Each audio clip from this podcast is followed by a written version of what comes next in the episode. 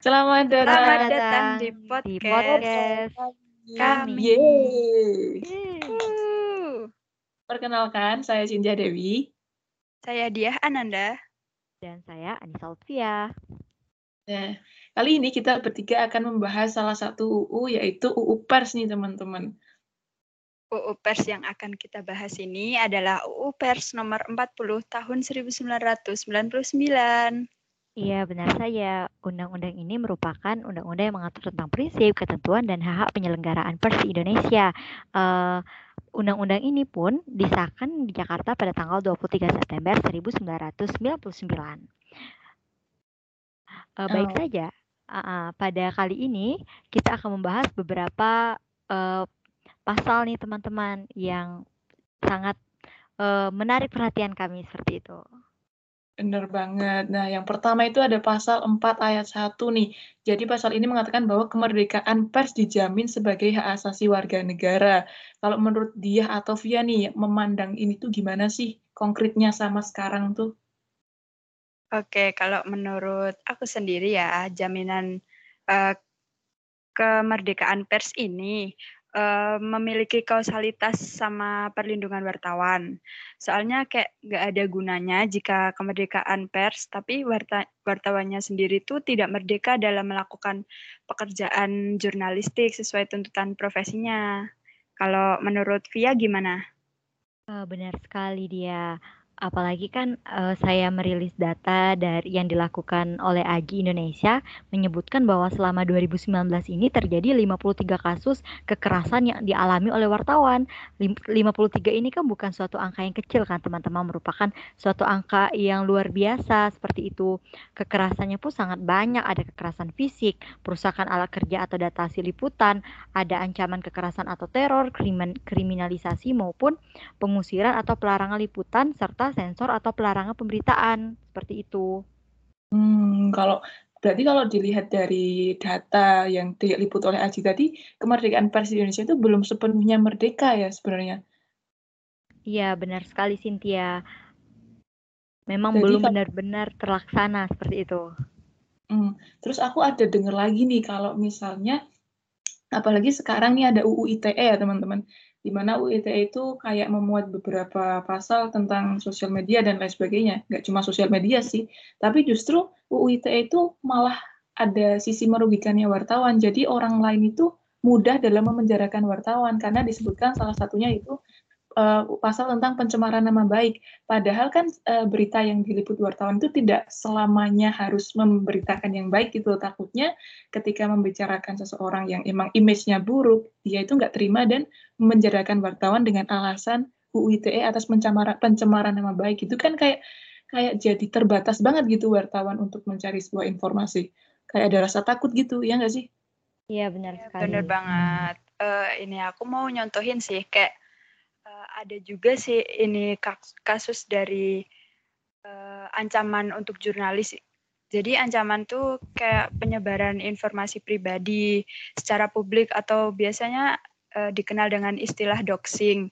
Doxing ini tuh eh, kemarin terjadi dalam eh, terhadap jurnalis detik.com pada Mei 2020 itu tuh terkait pemberitaan rencana Presiden Jokowi meninjau persiapan new normal di salah satu mal di Bekasi.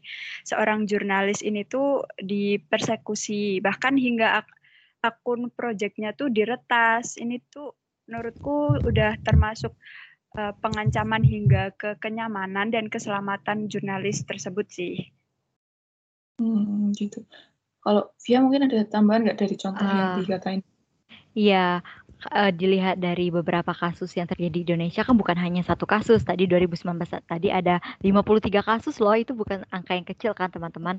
Nah, hal itu sudah sangat mencerminkan bahwa perlu adanya lagi eh, Baikan. suatu- eh, supremasi hukum yang lebih tegas seperti itu yang mengatur tentang kemerdekaan wartawan ini.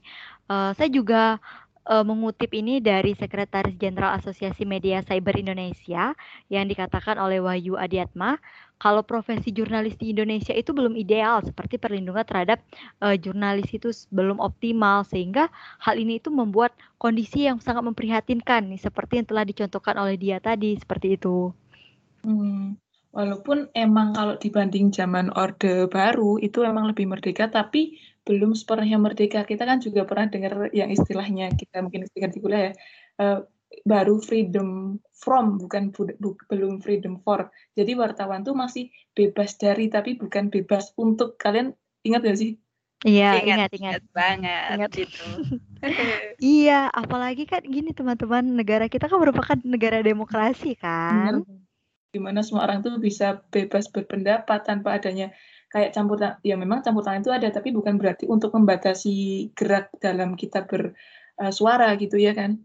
Iya benar sekali, apalagi kan dengan negara demokrasi ini uh, semua warga negara itu berhak loh untuk mengetahui segala macam bentuk dari informasi sehingga pers pers ini menjadi suatu badan yang sangat penting seperti itu Hmm, ini juga disebutkan ngomong-ngomong teman-teman di pasal 6A yaitu memenuhi hak masyarakat untuk mengetahui.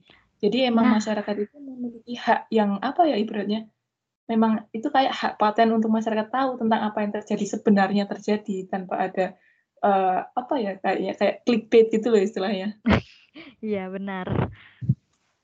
Yes. Kalau dia sendiri nih gimana nih memandang yang pasal 6 Kayaknya udah mengumpulkan pikiran-pikiran nih dari Aduh, aduh, aduh. Ini kalau dari aku ya, ini eh, masyarakat tuh berhak mengetahui informasi-informasi yang didapatkan dari jurnalis. Nah, ini tuh ada uh, mungkin contoh lagi ya ini dari uh, dari kasus hmm, ini kasus yang menjadi perhatian setahun terakhir yang jurnalis Tempo di Surabaya kan ada yang bernama Nur Hadi itu meliput uh, investigasi terkait kasus suap. Nah, itu tuh terjadi pada Maret 2021 ini. Beliau tuh me berusaha mencari informasi, namun dalam uh, pelaksanaan pen penugasan itu, beliau tuh dihalang-halangi tuh sama aparat polisi. Nah, kalau menurutku sendiri, aparat polisi yang menghalang-halangi itu malah kesannya me menghalangi publik juga untuk mendapatkan informasi gitu. Hmm, Iya. Bukan iya. malah memberi jalan, tapi malah kayak eh jangan nggak nggak boleh tahu gitu kesannya kayak menutup-nutupi. Uh, iya benar banget. Tadi masih nyambung sih sama pasalnya di atas uh, kata Ketua Umum Aji Abdul Manam Manan pun mengatakan kalau memang uh, sebenarnya itu yang lebih sering melakukan kekerasan terhadap wartawan itu memang pihak-pihak aparat kepolisian seperti iya, itu. Ya, benar banget, benar banget sih. Aku kemarin uh. tuh baca justru wartawan itu dianiaya sama aparat yang menganiaya orang. Jadi paham nggak nah, maksudnya? Paham paham itu. Aparat nggak mau diliput ketika dia menganiaya orang. Jadi aparatnya malah menganiaya wartawan iya kan, jadi nggak nggak nyambung aja gitu loh antara kebebasan pers sama uh, pelaksana pelaksana negara seperti itu kan jadinya uh, demokrasi kita itu menjadi kurang terlaksana dengan baik karena kurangnya ada kebebasan itu. Uh, sebenarnya kan rakyat itu dengan adanya informasi yang diberitakan oleh pers, mereka pun nantinya akan dapat menentukan sikap bagaimana sih harusnya uh, sebagai warga itu berpartisipasi dalam proses ah, berbangsa dan bernegara. Benar. Jadi bisa tahu nih ambil sikap dengan cara dengan kita dapat berita tuh orang nggak ambigu harus gimana. Ah, benar sekali. Betul, betul, betul. Uh, Dari dua pas. Gimana gimana Via? Iya, dengan memenuhi hak masyarakat ini pun juga sering dengar nggak sih kalau kita kalau pers itu merupakan salah satu uh, sebagai pilar keempat demokrasi seperti itu. itu itu itu tuh sebenarnya penting tapi kan itu terlupakan gitu loh. Apa dia tadi? Iya, aku juga sering dengar sih kata-kata uh -uh. itu. Uh -uh.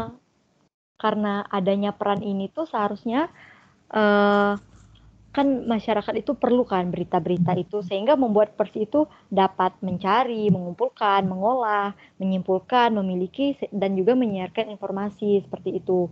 Sehingga dengan hal ini pun e, membuka peluang untuk pers itu dapat e, mewawancarai orang mulai dari orang biasa, pejabat publik, pengusaha, politikus dan orang-orang lainnya seperti itu.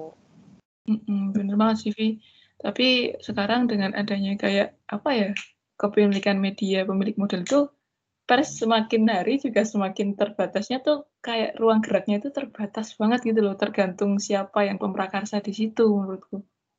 Iya benar banget. Apalagi ini kan kalau uh, kepemilikan media tuh mereka dari media sendiri tuh jadi takut untuk uh, memberikan berita yang buruk tentang uh, partai yang dianut sama yang yang punya media gitu sih. Hmm, seharusnya yeah. kan mereka oh kan kayak yang disebutkan disebutkan pada pasal 6D ini uh, mereka itu bisa melakukan pengawasan, kritik, koreksi dan saran terhadap hal-hal yang berkaitan dengan kepentingan umum. Tapi dengan adanya pemilik media, mereka ruang geraknya jadi terbatas. Mereka mau koreksi takut, mereka mau mem memberi saran takut. Itu kan kayak kesannya tuh ini gimana sih gitu loh. Hmm, benar-benar setuju sekali. Apalagi kan sekarang uh, banyak tuh media pers yang beralih dari media konvensional menjadi media digital sehingga kebutuhan-kebutuhan uh, media-media online atau digital pun meningkat sehingga uh, pers itu pun lebih condong untuk memenuhi kebutuhannya itu. Apalagi kan dengan yang sudah Cynthia dan dia tadi katakan ada ada kepemilikan modal dan juga ada yang jelas ada kebutuhan-kebutuhan kepentingan lainnya lah seperti itu. Bener banget. Jadi kayak uh, ibaratnya tuh uh, justru gini, malah sekarang tuh media pers tuh ngambil headline-nya tuh dari media sosial, bukan mereka terjun langsung ke lapangan gitu loh. Ya, itu istilahnya kayak citizen journalism nggak sih? Iya, benar, benar, sangat benar sekali. Jadi uh, semua orang itu uh, warga negara dan rakyat itu bukan hanya sekarang pengonsumsi dari pers. Iya, benar. Tapi mereka juga bisa menjadi jurnalistik itu jurnalis iya. itu sendiri. Bisa juga jadi produsen berita seperti itu. Nah, tapi ada buruknya nih. Apa tuh? Jadi buruknya itu kayak uh, apa? Batasan mana nih yang media memang yang benar-benar layak untuk diberitakan sama yang ini tuh nggak layak tuh jadi kayak kabur gitu loh. Kayak nggak ada apa ya namanya aturan orang kan sekarang citizen journalism dia bisa bebas dengan bebas mengupload apa pun.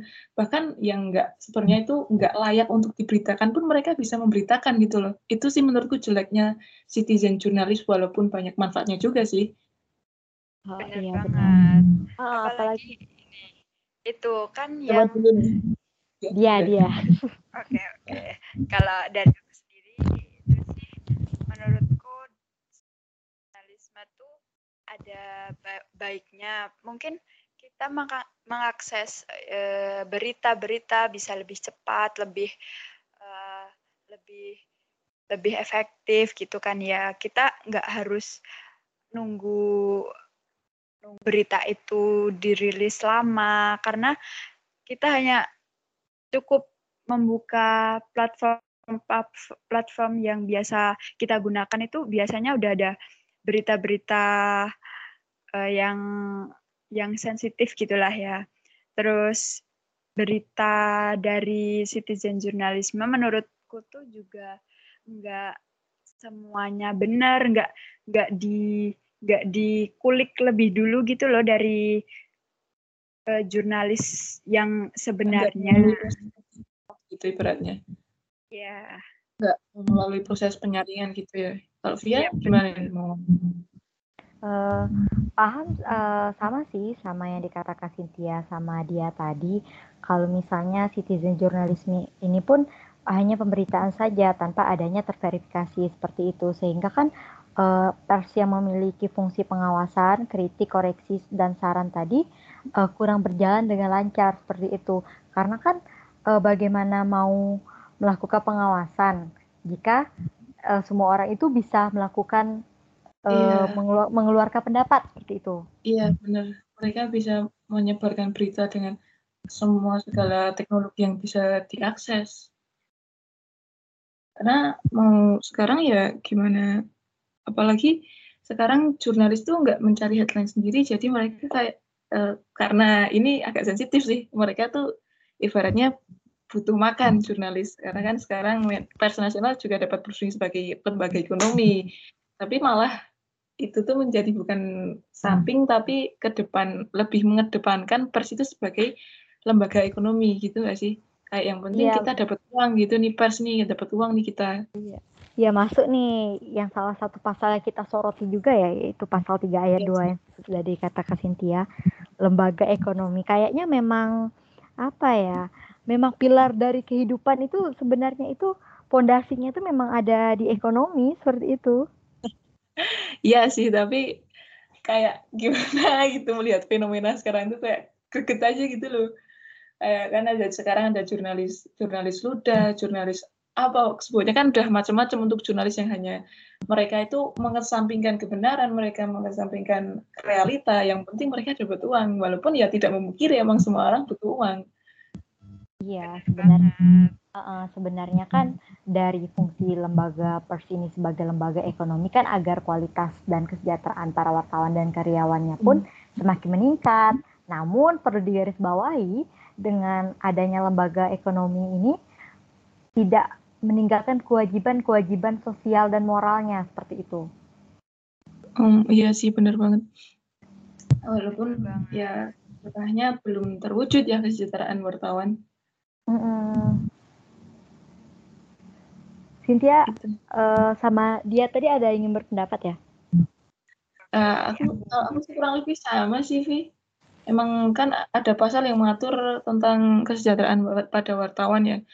Yeah. Dalam pers itu bentuk kepemilikan dan saham atau pembagian laba bersih serta bentuk kesejahteraan lainnya. Tapi ya tadi karena sudah banyak contoh, ini mungkin masih berkaitan sih sama yang di depan tadi kalau misalnya masih banyak wartawan yang dianiaya, tapi mm -hmm. sang penganiaya tidak menempuh jalan hukum. Uh, walaupun seperti yang udah dikatakan Pia tadi balik lagi nggak cuma fisik tapi juga materi itu wartawan harus diperhatikan lagi nih supermasi hukum tentang pers harus ditegakkan lagi nih kayak gitu sih menurutku.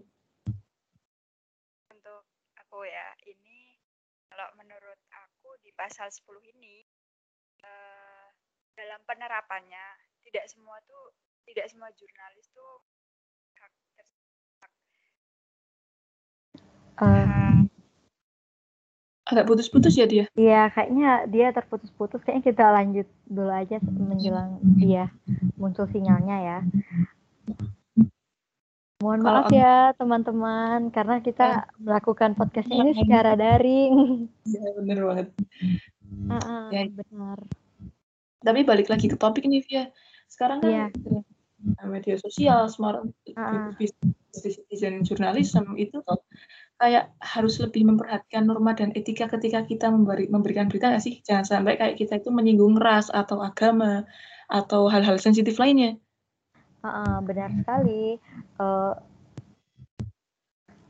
selain itu tadi kan, selain ada lembaga ekonomi tadi, memang benar-benar semua aspek kehidupan itu memang harus benar-benar kita perhatikan. Mm-mm, sebenarnya juga udah diatur sih di UU Pers pasal 13A kalau nggak salah ya. Iya, benar banget. Apa tuh dia? Kalau bisa boleh isi dari pasal 13A tuh pers dilarang memuat iklan berakibat merendahkan suatu agama dan atau mengganggu kerukunan hidup antar umat beragama serta bertentangan dengan rasa kesusilaan masyarakat. Nah, e, menurut menurut menurutku iklan yang dimuat di pers ini tidak hanya dilarang untuk menyinggung suatu agama saja, namun seperti suku, ras, bahasa itu juga merupakan hal yang sensitif jika dibahas di dalam iklan. Uh, saya kurang setuju sih dalam pasal 13A ini karena pengkhususan dalam hal agama menurut saya kurang pas di Indonesia karena Indonesia itu negara yang multikulturalisme, tidak hanya agama saja yang penting dalam hal ini. Kalau menurut Cynthia gimana? Kalau aku tadi kan ini aturannya mungkin pers dilarang memuat iklan berakibat merendahkan suatu agama atau mengganggu kerukunan atau ya agak setuju sama dia sih. Aku, aku fifty fifty ini sebenarnya. Sama dia setuju sama pers ini juga setuju. Walaupun emang kurang lengkap ya nggak ada suku ras dan sebagainya. Padahal Indonesia itu merupakan negara kepulauan kita tahu. Yang mana apalagi kan belum semua Indonesia itu terjamah oleh teknologi. Jadi masih ada orang yang tertinggal, pendidikannya masih rendah. Itu masih perlu perhatian lebih menurutku untuk mereka tahu bagaimana sistem kinerjanya pers, bagaimana uh, berita itu disebarluaskan. Jadi emang ini pasalnya menurut sudah uh, bagus tapi kurang kurang ada apa ya sentuhan sedikit lagi kayak nggak cuma agama yang sensitif itu tapi juga ada ras dan lain sebagainya. Iya Kalau benar sekali, uh, benar sekali apa yang dikatakan Tia sama dia tadi. Kalau di Indonesia itu multikultural, multikultural kebudayaan. Kebudayaan itu kan bukan cuma tentang agama, kan ada juga uh, di Indonesia itu banyak orang yang memiliki warna kulit yang berbeda, habis itu memiliki uh, kebudayaan yang berbeda, uh, cara pandang yang berbeda, cara berpakaian yang berbeda, sehingga iklan-iklannya pun tidak boleh membuat suatu perpecahan seperti itu di Indonesia agar iklan-iklan tersebut uh, tidak bertentangan dengan rasa kesusilaan masyarakat. Jadi hanya hanya mungkin kalau dari pendapat saya hanya ditambahkan lagi nih bukan hanya beragama mungkin dimasukkan lagi dalam uh, sara tidak menyinggung sara uh, gitu loh. suku agama dan juga ras Benar uh, banget. Jangan sampai ingin menyatukan masyarakat justru malah memecah belah nih. Kan jadi bersinggungan itu apa tujuannya. Benar, uh, benar sekali sudah sangat jelas ya kayaknya dari apa yang kita jelaskan. Tapi saya masih sedikit uh, apa ya, masih sedikit mengganjal nih di pasal ini Pasal 10 tadi, perusahaan pers memberikan kesejahteraan kepada wartawan dan karyawan pers dalam bentuk kepemilikan saham dan pembagian laba bersih serta bentuk kesejahteraan lainnya. Itu kenapa bagaimana, tuh, uh, bagaimana nih? Saya mendapat minta pendapat dari dia dulu. Tadi sempat terputus. Halo dia. Halo, halo. Maaf ya tadi terputus. Oke, saya lanjutkan. Uh, dalam pasal 10 kan perusahaan pers itu harusnya memberi, memberikan kesejahteraan kepada wartawan dan karyawan persnya dalam bentuk kepemilikan saham.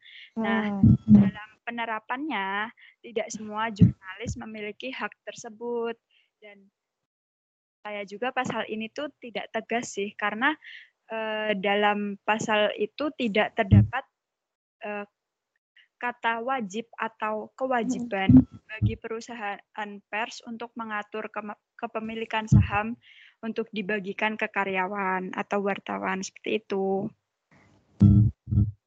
Oh, ya, perlu benar. ditambah ini pasalnya jadi biar lebih uh, hukum lebih mengedepankan supermasi hukum gitu ya, Vi? Maksudnya mungkin.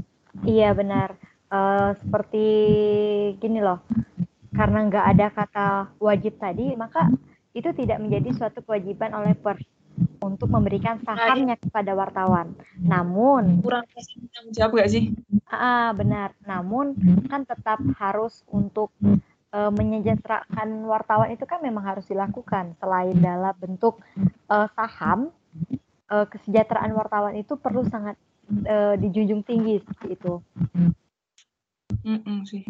Nah, jadi emang banyak banget nih pasal yang emang seharusnya sudah bagus, tapi mungkin ada yang sedikit ditambahkan atau mungkin uh. lebih ditambahkan lagi. Sebenarnya masih banyak sih pasal-pasal yang mau dibahas, tapi karena waktunya mungkin terlalu panjang, takutnya nanti yang mendengarkan juga apa ya, nggak bisa meresap semuanya. Mungkin podcast kita yeah. itu akan sampai sini aja nih. Sedih banget padahal masih banyak yang mau disampaikan. Ya, sedih. Ya, bisa sih. Mungkin besok bisa kita uh, lanjutin di kelas mungkin ya pada saat pembelajaran atau mungkin besok kita bikin podcast episode selanjutnya. Asik, Semoga uh, podcast ini bisa menambah wawasan pendengar semua entah dari kalangan mana pun, dari kalangan dari usia apa dari usia segala usia itu bisa yeah. bisa bertambah lagi. Jadi yeah. sekian tiga, aku Sintia Dewi. Aku Dia Ananda. Dan aku, Anissa Lucia, kami memohon undur diri dan mohon maaf jika terdapat kekurangannya. Ya, terima kasih semuanya. Dadah. Bye.